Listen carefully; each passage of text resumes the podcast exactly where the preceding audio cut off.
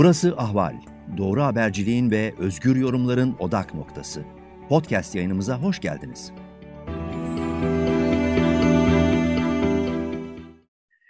Ekonomi gündemine hoş geldiniz. Ben Güldem Atabay. Ee, her hafta olduğu gibi Eser Karakaş'la beraberiz. Eser hoş geldin. Nasılsın? Ne var ne yok? Teşekkür ederim. Sen? İyi, iyi, iyiyim vallahi ben de. İşte dün yapacaktık program. Enflasyon verilerini görmek için bekledik. Beklediğimiz kadar kötü geldi enflasyon. Ee, öncelikli olarak İstanbul Ticaret Odası açıklamıştı. Perakende endeksi 4.4 idi. Yıllıkta 55.32'ye gelmişti.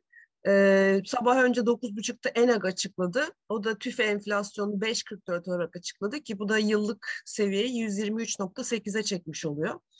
Ee, içinde dikkat çekici bir şekilde lokanta ve hizmetler tarafındaki artış 8.73, sağlık harcamalarındaki aylık artış 8.95, giyimdeki artış 9.1 fakat ENAG'ın rakamlarında benim dikkatimi çeken gıda 0.07 e, yüzde artış var. Sanki bu KDV indirimi ENAG'ın verisine göre gıda fiyatlarında bir aylık olarak işe yaramış gibi. TÜİK rakamları ise e, Bir dakika onu, onu da hatırlatayım. Bir tek gıdada e, ENAG'ın şeyi TÜİK'in altında. Evet ama arada da çok büyük fark var. Ben onu çözemedim neden öyle olduğunu. Yani biri Ben, ben gözüküyor, biri sıfır e, gözüküyor neredeyse. E, hani açıklamak kolay değil. E, derken işte e, TÜİK'in rakamları geldi. Biz e, 4.8'lik ve 54.44'e geldiğimizi gördük. E, üretici fiyatları daha da yüksek. Üç haneli rakamlara çıktı. E, 93'ten e, karşıma koymuşum 114 nokta e, 93'ten evet çıktı. Şimdi ne de, ne diyorsun bu rakamlara? Bunlar tabii sürpriz değil. Bu rakamların içinde daha Ukrayna ve son petrol şoku yok. Ee, bu ne diyordu e, Sayın Bakan Nebati? İşte bu 50'yi görmeden Mart, Nisan gibi buralarda kalacağız. 48'ler arkasından da inmeye başlayacak. Aritmetik olarak, aritmetik olarak mümkün değildi Nebati'nin söylediği. Değildi evet. Sene sonunda son Bir, çeyrekte yanında bir tane koca Maliye Bakanı'nda bir tane adam yok mu ya bunu ya Sayın Bakanım yapmayın rezil oluyoruz diye. Ya yapmayın dedikten sonra bir sürü şey yapmayın diyebilirler ama sene sonunda Matematik olarak 120 mümkün değil. nokta iki gibi bir beklentisi vardı. Şimdi hatta önümüzdeki sene 8.5 diyor. Bu rakamlar Ukrayna şoku bunları biraz e, hayal hal ya bu 23.2 ve 8.5 2023 enflasyonunu artık imkansız hale getirdi. Ben susayım sen neler söylemek istersin enflasyon hakkında? Vallahi e, artık söyleyecek bir şey yok. Yüzde TÜİK rakamlarından bahsediyoruz. En, en hiç girmiyorum yani. Resmi istatistiklerden bahsediyorum. Yüzde 55.44. Ve bunu AKP'lilerin lafını tekrar ediyorum. Dünyada her yerde enflasyon var diyorlar ya. Dolayısıyla Türkiye'de de var. O kadar büyütmeyin diyorlar ama biz Türkiye'de şu anda dünyada yedinci ülkeyiz. Enflasyon en yüksek ülke olarak. En yüksek Venezuela. Ondan sonra Sudan geliyor. Sonra Lübnan, Suriye, Surinam, Zimbabwe ve Türkiye.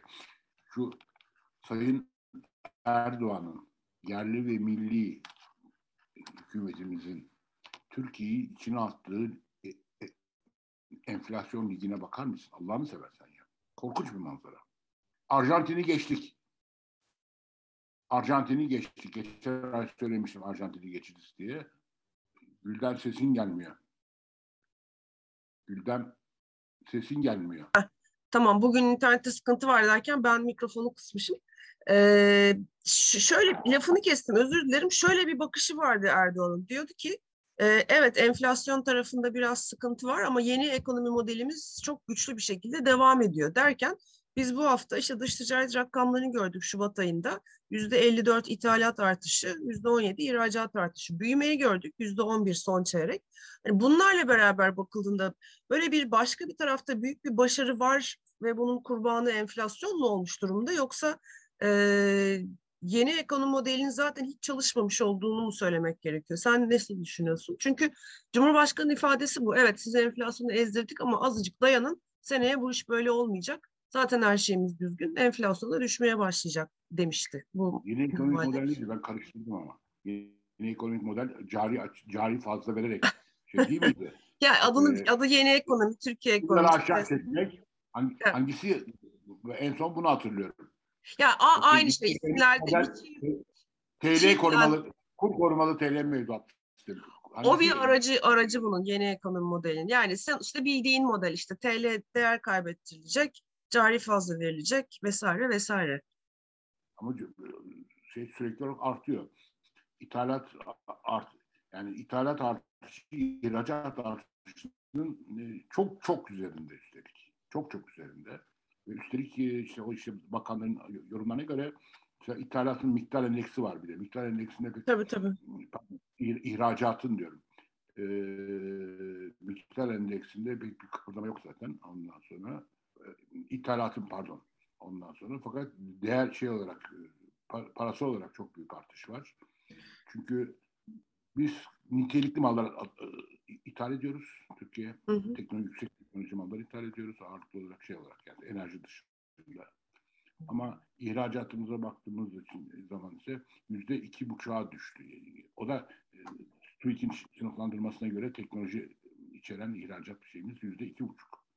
Yani nereden bakarsan bak bir şey de yani. Sen bu şey inanmam. Ben çok büyük başarı yakaladık ama o başarının da bir küçük bir maliyeti var. O da enflasyon. Böyle iktisatta böyle saçma sapan şey olmaz. Olmaz değil yani mi? bana bir tane yüksek enflasyonla ekonomik modelini başarıya ulaştırmış bir tek ekonomi gösteremez. Son evet. Yok böyle bir şey. Yok böyle. Öyle, öyle yani bana da öyle geliyor da hani acaba ben bir şey bir yerde yok, hata yok, yok, yok, yok, estağfurullah. Böyle böyle bir şey yok. Şimdi gıda ürünleri artışı yüzde 64.47. Evet, Ve evet. gıda ürünlerinin payı yüzde 25 şeyin içinde e, endekste. Ulaştırma harcamalarının artışı, ulaştırma fiyat artışı yüzde 75.75, payı yüzde 16. Konut fiyatlarının artışı yüzde 49.7, payı 14. Yani sadece gıda, ulaştırma ve konutu topladığın zaman sen yüzde 60 ediyor. Nedir gıda, ulaştırma ve konut dediği şey. Temel ihtiyaçlar. İşine gidiyor. Yani metroya biniyor, otobüse biniyor, neyse dolmuşa biniyor ve akşam da evine biraz yemek getiriyor. Yani Hı. bu tabii düşük gelir gruplarının e, şeyinin çok daha büyük sıkıntı içinde olduğunu gösteriyor. Ondan sonra sağlık giderleri benzer. Yüzde 32 bir artış var Türkiye ortalamasının altında ama yani zaten mesela benim şu anda bu yayına katıldığım ülkede eğitim ve sağlıkta fiyat artışı hesaplanmıyor bile çok. Çünkü bunlar kamu hizmeti olarak bakılıyor. Anlatabiliyor muyum? Yani orada bunlar girmiyor bile şeye. Ben eğitimin eğitimde şeye yanaydım yani özellikle üniversitelerin şeyinde öz, özelleştirmeye yanaydım ama yavaş yavaş de, Türkiye'deki vakıf üniversitelerinin belki bir tek Sabancı dışında Sabancı, Koç, Bilkent dışındaki diğer üniversitelerin korkunç durumunu görünce e, Türkiye'de bu modelin yani özel üniversite modelinin işlemediği Özel ya işlemiyor, politize ediliyor. Bir de halk giderek fakirleştikçe özel eğitime ulaşamıyor. Ya ulaşam devlete karşı ol, devlete karşı olmak saçma bir laftır. Devlette mesafeli olacaksın. Devletin kucağına oturarak yüksek öğretim olmaz. Çok net bir şey. Çok açık söylüyorum. Ya üniversite yani yükü kaldı üniversiteler görevini yapmaya başlasın zaten o şekilde kucağına oturmasına gerek yok. Ama Türkiye'de fakir bir ülke özellikle hani üniversite üniversite eğitimine gelene kadar e, aşağıdaki eğitimin paralı olmayan kısmının kalitesi çok kötü. Yani bir, bir ben çocukken öyle değildi. Şimdi bakıyorum öyle. Mecburen özel yani özel eğitim taraftarı ben böyle bir ülkede olamıyorum. Üzgünüm. Ben e, teorik olarak bunun Türkiye'de bir şeye yarayacağını düşünüyordum. Ya, yaramadığını gördüm. Çünkü iş tamamen politize oluyor. Yani o şeyler, kontenjanlar nasıl saplanıyor ben çok iyi yaşadım bunu. Gidiyorsun Ankara'ya, Gök'te pazarlık ediyorsun. Benim şu bölüme biraz daha büyük kontenjan verdi. Para kazanacaksın. Çünkü böyle bir şey olsun olmaz. İşte arsa alacaksın, devletle pazarlığa giriyor. Devlet bunun karşında senden bir şey istiyor. Yani onun için ben çok iyi hatırlıyorum. Bir belediye başkanıyla konuşmuştum. Ben konuşmuştum dekan olarak. Bir şey istemiştim. Anında bana böyle hani lafı ev, evrip çevirmeden. Peki dedi. Ondan sonra üç, üç tane şeyini e, işe alacaksın dedi bana. Böyle iş, işliyor işte. Öyle işte yani. Şaşırmıştım bu kadar doğrudan yaptığını bu işi yani. Hani olur tamam der sonra iki gün sonra bir, hocam bir kahve içmeye geliyorum sana der gelir. O, o da arada da böyle söyle. Öyle değil. Anında söyledi yani. Tamam dedi yaparım sen de şu üç kişiyi işe alacaksın. Ve sonuç ne oldu? Oldu. Alındı ilk kişi işe yani. Oldu. Gördüm yani olmuyor Türkiye'de şey. Olmuyor. Özel, özel üniversite yok aslında Türkiye'de ama Vakıf Üniversitesi olmuyor. Yani. Neyse işte, Evet. maalesef. Ya Evet. enf- enflasyona dönersek şimdi bugün itibariyle e, işte Ukrayna Savaşı devam ediyor. Petrol e, 114'e gerilemiş gibi gözüküyor ama işte 119'ları gördü. Biraz daha yön yukarı olma potansiyeli var. Ya bu iş belli ki hani matematikle birazcık yapınca 70'ler ve %70'in biraz üzerine çıkacak, gidecek. E, dönme şansı var mı para politikasız bir ortamda?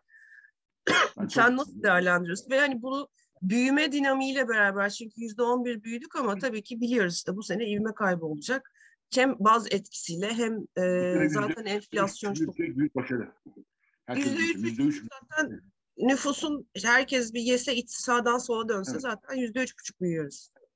Evet, evet. Yani o, o bile var. Ya ben sana bir soru sormak istiyorum. Şimdi bugün gelinen, sen ne diyorsun bu konuda? Bu gelinen şeyle, e, enflasyon oranıyla yüzde elli. Şu anda reel faiz oranı ne kadar? Negatif mi? Çok yüksek. Negatif işte o, yani eğer yüzde sene sonunda ben kaç enflasyon bekliyorum? 70'lere gördükten sonra herhalde 45-50'nin altında olmaz. Yani politika Evet, faizi yani- yüzde on dört. Efendim? Reel faiz diyorsun. Yani, Hayır, negatif. yani- Negatif işte yüzde on dört politika faizi var. Hadi mevduat faizi yüzde yirmi yirmi bir olsun. Ee, Yüzde kırk beş gibi bir enflasyon var 12 aylık. Şimdi faiz indirecekler mi, indirmeyecekler mi? İndirirse daha da derinleşecek. Hiç indirmezse yaz aylarında daha da derinleşecek fa- negatif Evet. reel faiz. Peki bu kadar reel, bu kadar yüksek, dünyada yani bu kadar yüksek negatif faiz yok hiçbir yerde. Yok hiç hiçbir ülkede yok. Evet. Hiçbir ülkede yok yani. Biraz önce saydığım altı ülkede de yok. Yani bizden yüksek enflasyon sahip. Çünkü oralarda faizler de yüksek. Ondan sonra.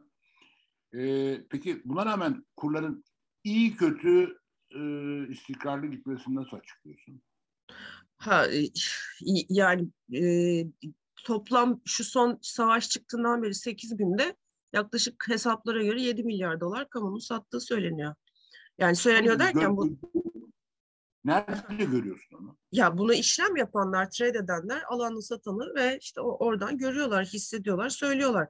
Bilançoda gizleniyor ama hani, e, zaten bir 4 Hı. milyar dolar yazıldı, çizildi. Ben şeyde şaşırdım yani. Ben göremiyorum. Dün Sen göremezsin. Ali Babacan, dün Ali Hı. Babacan dedi ki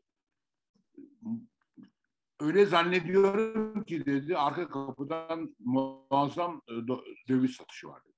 Ya o çok belli oluyor zaten. ki dediğine göre çok kendi, kendi, kendisi e, hazinenin başında bulunmuş. Ekonomi Bakanlığı yapmış. Hazinede adamları var mutlaka yani her yerde Ali Babacan'ın. Yani kadrosu öyle. Hepsi hazinede çalışmış insanlar. Yani İbrahim e, İbrahim Bey var yanında. Şimdi onlar dahi zannediyorum diyorlarsa bu nasıl yapılıyor? Yani onların dahi göremediği bir şeyi nereden yapıyorlar?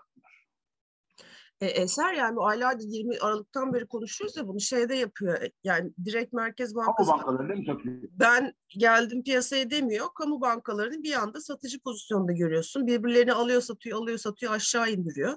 Ya da bunu piyasanın kapalı olduğu hacmin O daha zaman çok da Merkez. Bankası'nın kamu bankalarına yüklü döviz aktarması gerekiyor. E, yapıyorlar işte bunu. Yani ben de bunun e, teknik olarak dehası değilim ama işte tam da bu şekilde oluyor yani. Vakıf, Bank'ın elinde nereden döviz olacak ya? Ya, ya varlık fonunun varlıklarını kullanıyor. Hani olan na- nakitteki e, Bunlar döviz varlıklarını kullanıyor. Efendim? Bunlar suç yani. Bunlar suç E, herhalde suç yani. tabii. Aylarda yazıp çiziliyor suç tabii. Suç olmaz olur mu? Olmaz olur mu? Yani Ya bu şey gibi işte son son gece 31 Aralık gecesi bir anda kur farkından nasıl büyük bir e, kar geçirildi Merkez Bankası. Arkasından o kar işte apar topar hemen erkenden yönetim kurulu toplandı. Hemen hazineye aktarıldı. Ne o 40 küsür milyar TL'ydi. Şimdi harcama olarak giriyor. Nasıl oldu o kar? Yıllardır e, rezervlerinde duran işte al- alış fiyatı genelde o a- alış fiyatından duran şeyi değerini bugüne çekiverdi. O zaman da işte devalüasyonla beraber değeri artmış oldu, kar olmuş oldu. Yani, evet, evet. Merkez yani, yani bunların hiçbiri doğru değil. Hani bu suç mu emin değilim Onların- ama hani teamüllere bu suç aykırı. değil. Bunların bu kadar yükseldiği bir yerde Merkez Bankası daima kar eder çünkü. Yani Hayır ama bu yıllardır ilk defa rezervlerinde böyle bir şey yapmış. Daha öncesinde bir gece önceye kadar olduğu gibi eksi de karı yok. Hazineye bir şey aktaramıyor, kaynak aktaramıyor. Ne yapalım ne edelim? Ha bu bu sefer de bu sene de böyle yapalım, kar çıkaralım. Yani bu her sene bu fark yapılıyor olsa para Tamam. Efendim? Para bastılar. Para E, bastılar yani. Tabii tabii tabii. tabii. Yani dolayısıyla hani bu acayip acayip işler yapılıyor. Döviz satışı da böyle. Yani bütün dünyada her şey oynak çıkıyor çıkıyor. Bizimki 13.80'de kalmış. Gerçi işte o da kalmadı. Şimdi bir taraftan BOTAŞ'ın harcamaları olacak. Artan enerji fiyatlarıyla. Bir taraftan işte hem parite çok oynak. İşte 14, 13'te dünden beri duruyor. Şimdi yeni seviye demek ki 14, 14,5 arasında tutma çabası. Bakalım izliyoruz yani. Bu, bu ben tutabileceklerini bu bunun, baskı bunun sonu devam nereye ederse kadar yani? bilmiyorum. Bu savaş ortamında ondan sonra e, nereye kadar gidecek bu yani? İşte bence duramayacak burada bu şekilde. Yani ne zaman ne şekilde patlar bilmiyorum ama çok büyük risk var işte. Bugün Lavrov açıklama yapmış. Bir bu şekilde devam edemez. Bir anlaşma bir şey olması lazım isteklerimiz diye. Hani işte 5 gün Her 10 gün bir masaya otursalar bile düşmeyecek ki enerji fiyatları hızla. E, her yerde söylüyorum. Şimdi bu bizim programda da söylüyorum. Yani Salı günü grup toplantısında Kemal Kılıçdaroğlu'nu izledim. Kemal Kılıçdaroğlu yine orada şeyi eleştirdi haklı olarak. E, kur korumalı TL mevduat sistemini çok eleştirdi. Çok küçük bir şey grubuna dedi. İşte Moody'ye ondan sonra bütçe üzeri, hazine üzerinden muazzam bir kaynak aktarılacak dedi. Bu çok büyük bir haksızlık dedi. Şudur budur. Ama yine Anayasa Mahkemesi'ne götürüne dair bir işaret yok. Yok.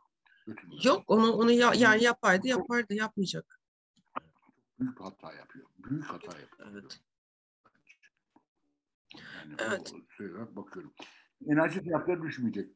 Biraz da sen bir çiftçi kadınsın değil mi? Tarımcı kadınsın sen.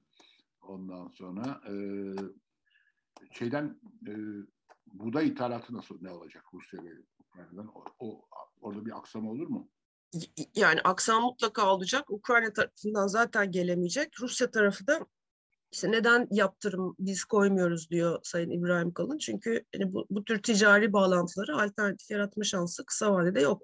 Önden de çalışılmamış. Enerji konusunda hadi tamam sıkıntı o kadar kolay değil ama buğday tarafında belki alternatifler yapılabilirdi. Hiçbir şey olmasa bence e, hani bu savaş aylardır belli bir şekilde bir gerginlik olacağı, gıda fiyatları nereye gittiği. E, Kasım Aralık döneminde ekstra hani savaş koşulları geliyor deyip Ekim döneminde çiftçiye bir destek verilebilirdi. Hayır yapmadı. Dolayısıyla bizim e, hani açlık yokluk o anlamda bence çekmeyiz ama evet mutlaka fiyatları yükselecek. Çünkü o miktarda ithalat oralardan yapılamayacak. Çok büyük Ya, bir hakikaten anlamıyorum. Ee, yani tarım meselesinde senden farklı bakıyoruz şey ama e, iyi kötü Türkiye e, senede 20 milyon ton buğday üretirdi. 20 milyon ton Onun üretim- altında artık. e, buğday tüketirdi. Bir şekilde bir denge gelirdi yani. Buğdayda bir sorunu yoktu Türkiye'nin. O açıdan ki buğdayda kendine yeterliydi Türkiye. Tarımda kendine yeterli değildi ama buğdayda yeterliydi. Şimdi 16 milyon tona falan düştü söyleniyor yıllık. Bu kadar büyük bir düşüş buğday üretiminde. Bu ne, nerede, niye kaynar? Nereden çıktı bu? Arazi bir kere daralıyor, verim düşüyor. Ee, çift tarım çift çiftçiler işi bırakıyorlar. Ekme maliyetleri yükseldikçe boşta kalıyor. Ee, yani tarım çok kötü bir durumda olduğu için de bu üretim düşüyor tabii ki aşağıya. Potansiyel yok değil var. Bu buğday üretimine tahsis edilen arazide bir azalma var mı? Var. Bilmiyorum şimdi bana hani önümde rakamlar yok. Ama ben hani kendi köyümden biliyorum işte. Ben bu sene buğday ekecektim. Ekmedim mesela. Boş durdu tarla. En azından ben yani. Yani kendimden biliyorum. Rentable olmayacağını düşündün yani buğday şey. E, tabii yani işte ürün fiyatıyla aldığın, e, harcadığın e, maliyetler arasında çok büyük fark var. Dolayısıyla ben yapmadım işte başka bir şey ekmeyi deneyeceğim önümüzdeki işte bir buçuk iki aylık süre içinde. Daha güzel para getiren bir şeyi bulmaya çalışacağım. Onu bıraktım, buğday üretmeyi bıraktım. rahmetli Adnan Kahveci şey derdi. Hatırlar, hatırlar mısın? O zamanlar belki Adnan Kahveci Evet, evet. enginar ekin çok para kazanırsınız diyordu. Onu buğdaycıya söylüyordu. Çünkü çok buğday, buğday Türkiye'nin yani iyi kötü bir buğday fazlası bile vardı hatta. Çünkü milli gelir arttıkça buğday tüketiminde tabii düşme oluyor. Buğday dediğim bir düşme oluyor yani. Inferiorluk dediğin şey, eskisi kadar yenmiyordu falan. Yani nüfus artışının getirdiği buğday talebinin e, üzerinde bir buğday talebinde düşme vardı. Şey, artan gelir nedeniyle. Ama e, bu Adnan Kahveci'nin dediği de olmadı. Pek insanlar buğdaydan şeye dönmediler. Ya öyle bir kolay bir şey değil. O toprağın kalitesi mümkün mü? Oradaki hava şartları uygun mu? Yani öyle hadi ben şimdi bunda mesela şu ürün fazla deyip toprağı değiştiremiyorsun ki. Toprağı alıp başka bir yere götüremiyorsun ki. Öyle bir değişim kolay değil. Ya, yani bir Tarım Bakanlığı böyle bir hatayı nasıl yapabilir? Yani 20 milyon tonda dengeye gelmiş. Ve bu ben en azından öğrencilik yıllarımdan, yani Boğaziçi Üniversitesi öğrencilik yıllarından beri tarımla ilgilenirim. Bu 20 milyon ton o zaman da aşağı yukarı aynıydı. Değişmemişti bir şey. 40 yıldır, 45 yıldır değişmeyen bir şeyi ondan sonra. Sen nasıl, nasıl başardın, düşürdün? E bu kadar başıboş bırakılırsa, bu kadar desteksiz bırakılırsa... Nasıl, nasıl, nasıl böyle perişan ettiler? Yani en basitinden nasıl biliyor musun? Sen çiftçiyim ben sattım her şeyim de var gayet de güzel üretiyorum. İşte maliyetim de düşük. Ben 3 liradan satıyorum. Ondan sonra hani o 5 liradan satma potansiyelim varken 3 satıyorum. Dışarıdan bir anda bir özel ihaleyle artık işte nasıl oluyorsa o o ürün geli veriyor. Benim 3 liraya 5 liraya satabileceğim mal ben 1,5 liraya satmaya çalışıyorum. Elimde patlıyor satamıyorum. Ama işte dolar bazına daha çok para ithal ürüne verildiği öğreniyor. Şimdi ben küsmez miyim? Seni üretir miyim ben? Ben deli miyim yani? Neden üreteyim ki? Öyle bir vazgeçiş de var zaten. Özellikle ithal ya ithalatın yoğun olduğu, yoğunlaştırıldığı bu tahıl üretiminde korkunç bir durum var. O yüzden de bırakan çok var. Yani bu da sebeplerinden önemli bir tanesi. E, ithalat... Rusya, Rusya Ukrayna'dan gelen e, buğday mı yoksa Kanada'dan gelen Rusya, Rusya Ukrayna tarafından gelen. Oraya evet. daha çok bağımlıyız. Bir de tabii şey de var yavaş yavaş. iklim değişikliği etkilemeye başlıyor. Verimi verim düştükçe bamba, yani bambaşka politikalar devreye sokulması lazım. Hiçbir şey, hiçbiri yapılmıyor bunların. Sanki böyle şey e, hani uyur gezer bir tarım bakanımız var. E, bir, bir, bir, bir takım açıklamalar yapıyor ama ne yaptığı belli değil. Yani tarım işte gıda fiyatları kaç diyorsun? 64.7 ortada zaten durumun ne olduğu. Yani bu anormal bir durum. Marketlere kimler yollayacağına git ziraat mühendislerini sahaya tarlaya yolla bakalım orada ne var kim neden bağırıyor ne oluyor yani. Bu, yani senden bir yani ben de bilgilenmek için soruyorum. Bir de izleyiciler de bu konuda sen işin içindesin çünkü. Yani bu özel ihale dediğin şey yani ithalat için ihale açılıyor. Bunlar Türkiye ucuz buğday girişinde mi yapılıyor yoksa bir yolsuzluk olarak mı yapılıyor ağırlıklı olarak? Yani yolsuzluk kısmını bilmiyorum ama sonuçta e, hani ne kadar di, kamudaki diğer ihaleler hakkında nasıl bir e, hissim Bunu vardır ama bilgim yok. TMO'ya satıyor değil mi? TMO'ya satıyor. Ee, ama orada neler döndüğünü, nasıl döndüğünü... Arada fiyat farkı çok büyük. Ama şu var yani sen elindeki mal varken mesela bazen fiyat yükseliyor diyor ki ben fiyatları dengelemek için e, dışarıdan ithalatı daha ucuza sokuyorum diye veriyor mesela. O zaman senin de elinde ürün patlamış oluyor. Yani ya, ya ürün plan, ya tarım öyle bir şey. Tarım planlama yapmadan tarımı yapamazsın. Hele bu kadar çok değişken varken. Planlamanın en güzel, en cuk oturduğu, en güzel uygulanabileceği sektör tarım sektörü. Hani toprağın belli, çiftçi sayın belli, kullandığın girdi belli, ihracatın aşağı yukarı belli, tüketimin belli, nüfus yani, artışın belli. Başka ee, ürünleri bilemem ama mesela buğdayda bir şey yani. Ya bu da en kolayı bir de. Hani orada bu kadar büyük hata yapmak büyük. Evet. E, bu, büyük, başarısızlık. Yani orada 20 milyon ton üretimi devletin garanti etmesi lazım her sene. Yani 20 milyon ton tüketimi demiyorum. 20 milyon ton iç üretimi devletin bir şekilde sağlaması lazım. Bir Şimdi Eser na- nasıl oluyordu biliyor musun? Diyordu ki e, işte TL'deki mesela hareketi bastırması, TL'yi tutması işte bu şeyi biliyoruz. 2018 kur krizinden beri düşün. Ee, böyle bir zıplama oluyor. İşte enflasyon kur çıkıyor. Bütün girdi maliyetleri artıyor. Onlar tabii geri inmiyor. Senin çünkü ithalat olarak aldığın şeyler. O sırada bakıyor o sezon işte enflasyonu yükseltecek. Çünkü çiftçi buğdayı fazla üretmiş işte ekmeği bilmem ne. Çat diyor ki ben işte TL'yi bastırdım o 2018 kur krizini düşün. Faiz artışıyla faiz artışı öncekinden bir arada ihale açı veriyor. Dışarıdan buğdayı alıyor. Şimdi aldığı zaman daha düşük kurda içeri vererek fiyat düşürme politikası olarak kullanıyor bunu bir de. Şimdi bu bu şekilde kullanılmaz. O zaman sen hani ithalatta izin, bu şekilde ithalat kullan. numara uygula. Yani Ya, aha, ama amacı zaten şey tarım maliyetlerini tarım planlaması yapmayı kontrol edemediği için uygun gördüğü bir zemini yakaladığı zaman kurda da baskıladığı zaman dışarıdan ucuz buğdayı dolar bazına çünkü doları baskılıyor TL'yi baskılıyor piyasaya sürüveriyor. Piyasaya sürdüğü zaman ne oluyor? Ee, tüketiciyi koruyacak gıda fiyatları son fiyatları aşağı çekeceğim derken çiftçini batırmış oluyorsun. Çiftçinin eti budu nedir ki? Yani ortalamada bir sene zarar etse, iki sene etse, üçüncü sene batar gider. Hani kredisi var, çiftliğini satar, ta- tarlasını satar, traktörünü satar gider. Olay bu işte. İnsanlar üretmiyor. Bu yüzden küstüler zaten. Hani bu çok acı acı bir sorun yani. Çünkü bunu bu şekilde Bu- çözmeye çalışmak bu- eee buğdayda bunu yaşanmaması lazım. indiğin dalı Başka- kesmek. Bu başka ürünleri bilemem ama buğdayda böyle bir şey asla olmaması lazım. Yani Olmaması lazım. tabii. buğdayda buğdayda iç üretiminin 20 milyon tonu sürekli devletin kollaması lazım. Ya buna bir sürü şey değil mi? İklim değişikliği ekleyebilirsin. İşte sula, sulamalı alanlar, sulamasız alanlar, damla sulamanın yaygın olmayışı, yeraltı sularının çekilmesi, yanlış inşaatlaşma, şehirlerin tarlaları büyüyecek şekilde genişlemesi. Yani bir sürü şey ekleyebilirsin. Ama asıl hani en kısa vadede çözülebilecek yanlış ithalat politikası. Yani doğru zamanda yapmayıp maliyet, üretim maliyeti düşürücü değil, ürün fiyatlarını düşürücü bir ithalat e, politikasıyla çiftçiyi bitirmek, öldürmek yani en büyük hata bu şu anda. Evet. Evet. Yani ithalat da kullanılabilir ama yani içeride bir kartel oluşmuşsa mesela ona karşı bir ithalat şeyi uygulayabilirsin.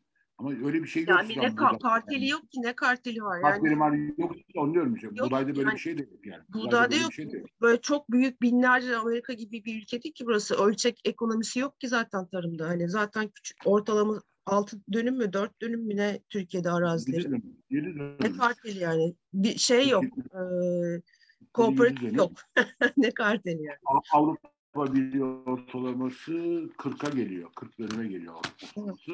Ee, Amerikan ortalaması 150'nin üzerinde. Yani bunları Evet. çok iz, izledim. Ya, yazık yani.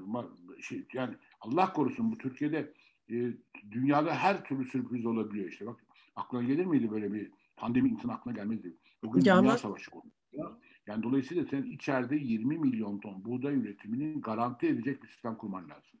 Bu, bu bir şey, mecburiyet. Tabii yani bir de şimdi dünyada buğday fiyatları artıyor işte şey bölgesi var. MENA bölgesi biliyorsun Kuzey Afrika, Orta Doğu. Onlar nereden ithal edecek, nasıl olacak? Yani müthiş bir kapışma olacak buğday üretenlerle. E sen üretiyor olsan da 20 tonunu tut. Bunu 25'e çıkarmış ol. Satan sen ol yani. Çünkü bu potansiyel gerçek, gerçekten var bu potansiyel. Şey, sen madem buğday da ürettin. E, makarna piyasası ne kadar buğday tüketiyor? Yani ne kadarını alıyor makarna? Şimdi rakamlar bana söyleyemeyeceğim Eser. Hani karşına bakmak lazım ama o dediğin 20 Epey, e, epey bir makarna ih- ihracatı var Türkiye'nin. Yani o, o yoldan e, bir buğday şeyi var mıydı? Diren, drenajı diyeyim yani dışarıya yönelik.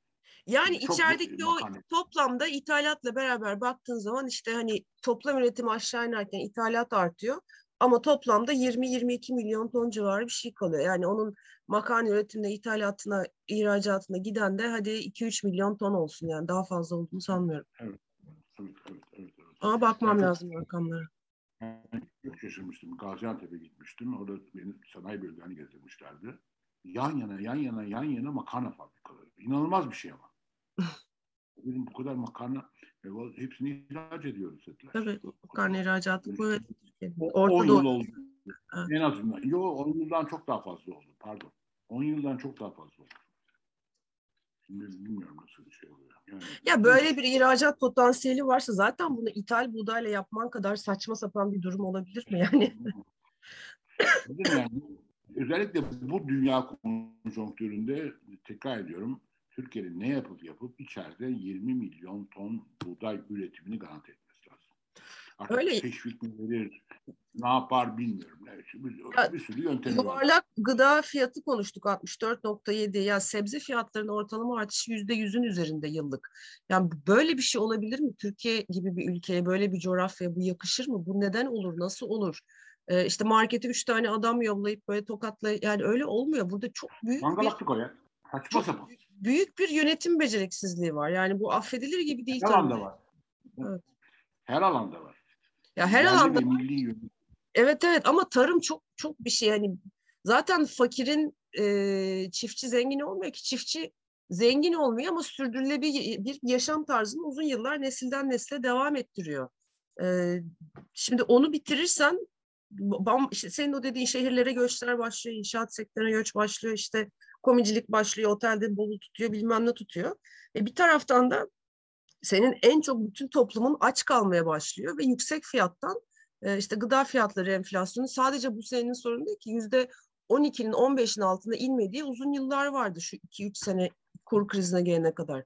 Orada sen anlamıyor musun? Yani senin manşet enflasyonu 8'de gıda fiyatları enflasyonu 12'de 15'te gidiyor. Burada bir anormallik var. Hani o zaman tarım politikanı bir daha bir gözden geçir. Bir şey yanlış gidiyor. Manşet enflasyonun üstünde gıda fiyatlarını artıyor.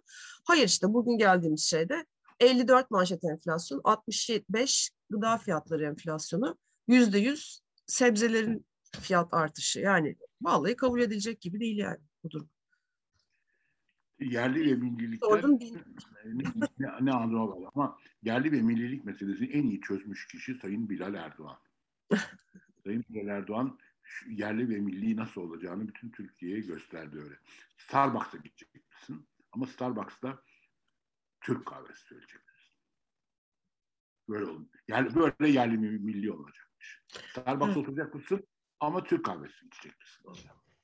Ya bir şey diyemiyorum. Neden bu lafı hangi ortamda söylemiş, ya, neden söylemiş bilemiyorum. Hani inanılmaz bir, inanılmaz bir durumla karşı karşıyayız. Ya böyle bir örnek olabilir mi ya? Evet. Böyle, böyle bir kavram. Ne, ne, Ya bu iki kavram Starbucks ve Türk kahvesi bir arada söylenebilecek bir şey mi? Ne, neden böyle bir laf etmiş? Nerede ne, ne gerek varmış böyle bir lafa? Ben okumadım çünkü. Bu, bu, bu yüzyıl Türk yüzyılı olacak ya. Ha o açıdan Starbucks. Starbucks'ta çok şey ya e, ne derler işte küresel. her yeri küresel bir şey. İşte oraya Türk kahvesini sokacağız. Evet yani di- diyecek bir şey yok gerçekten. Yani yorum yapamıyorum yani. Yorum yani yapsam e, Türk Ceza, mutlaka Türk Ceza Kanunu bir yere takılır çünkü yani. Ha, bir de iktidar değil. iktidar yani Cumhurbaşkanı'nın oğlu kendisi. Yani e, o yüzden bir politika gibi bakamıyorum sözlerine ama hani bir şey de diyemiyorum ya. Diyemiyorum yani. İşte durumu ortada yani geldiğimiz Türkiye ekonomisinin durumu. Tarım meselesi şey e, 5 lira biraz popülizm ekmeğinde 5 liraya çıkacak mı? Çık, çıkacak tabii. Bu yani çıkacak yani, tabii.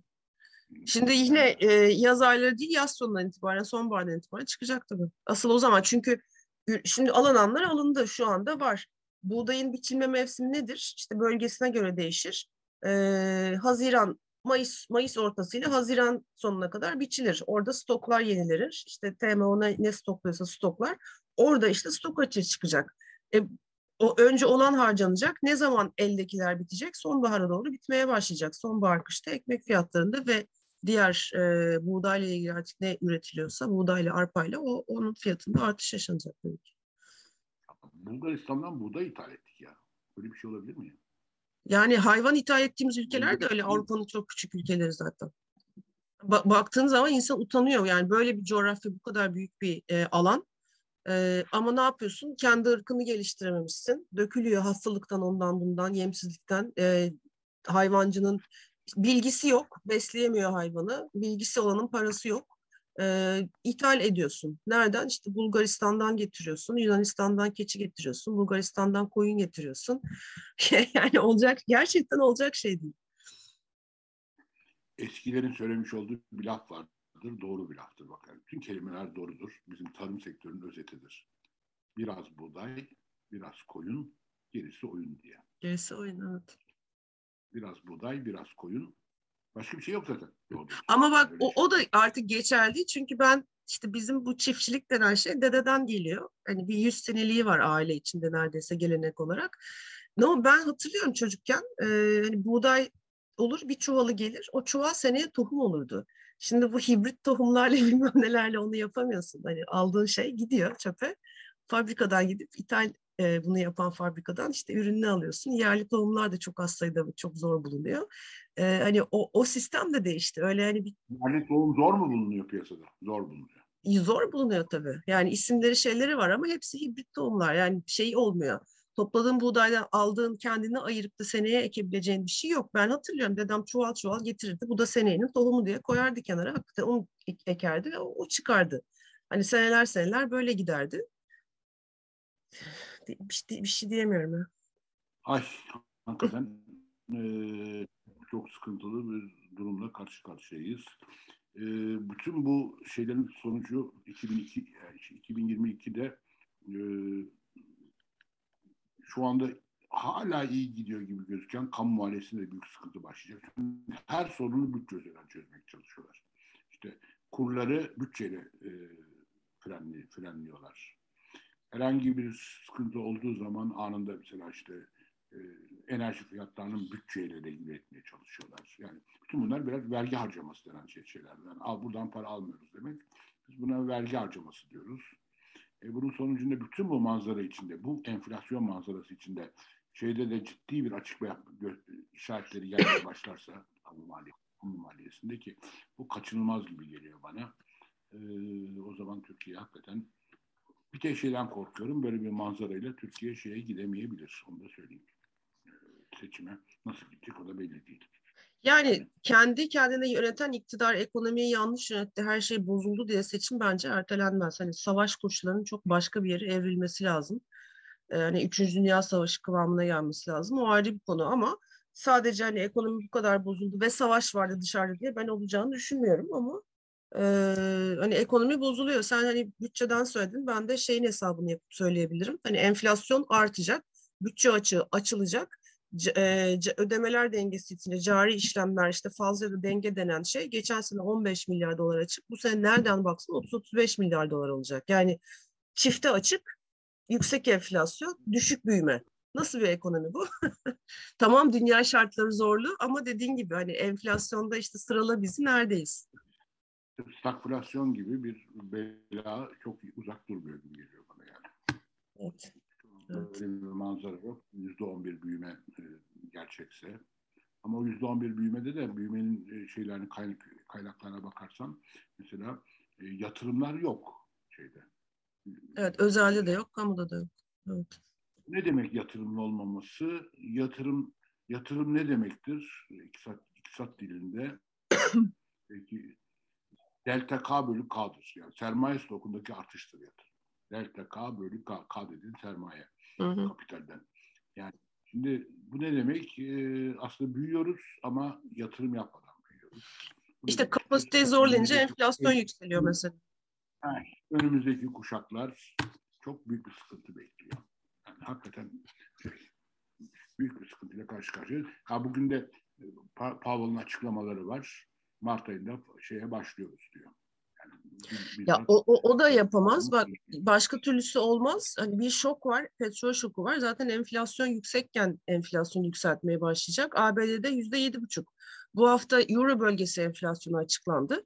25 senelik bütün datanın toplandığı seride en yüksek 5.8'de. Ee, yani nasıl bu merkez bankalar hareket etmesi ki? Ha, belki daha yavaş adımlarla arttıracaklar. Belki işte Avrupa Merkez Bankası et, erteleyecek adımlarını. Ama ne olursa olsun Fed'in faiz artışı da devreye girecek. İşte bilanço küçültme acaba Haziran bilanço küçültüyor, olmaz? Onu belki öteleyecek yapacak ama faiz artışları 4 faiz artışı 3 olacağını sanmıyorum. 4-5 yapılacak bunlar yani bir taraftan da. Faiz gel geliyor yani ilk faiz artışı. Dolar tabii şu da, bugün ayın kaçı? 3'ü işte 16'sında faiz kararı 13 gün sonra o, kaç tabii 13 gün sonra açıklanacak.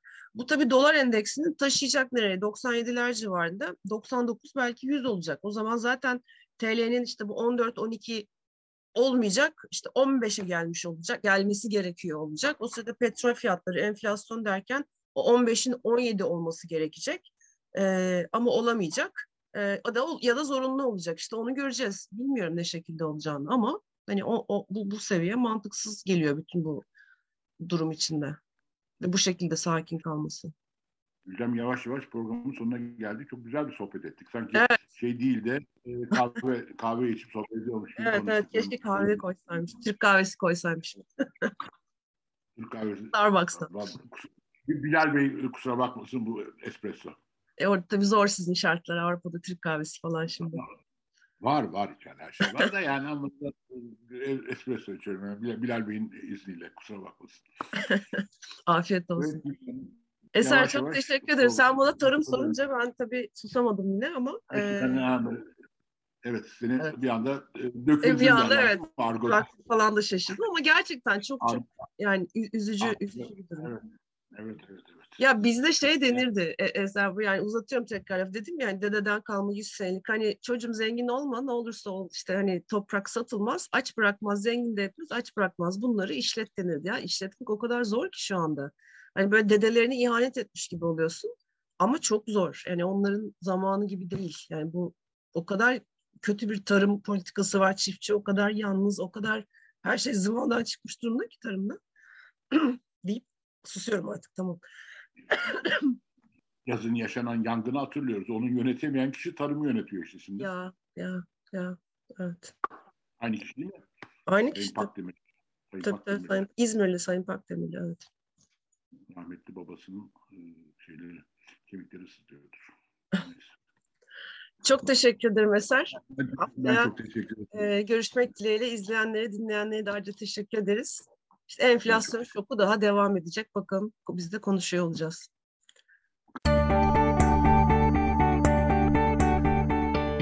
Ahval podcastlerini tüm mobil telefonlarda Spotify, SoundCloud ve Spreaker üzerinden dinleyebilirsiniz. Apple iPhone kullanıcıları bize iTunes üzerinden de ulaşabilir. Türkiye'nin ve hayatın cıvıl cıvıl sesleri Ahval Podcast dizisinde. Kulağınız bizde olsun.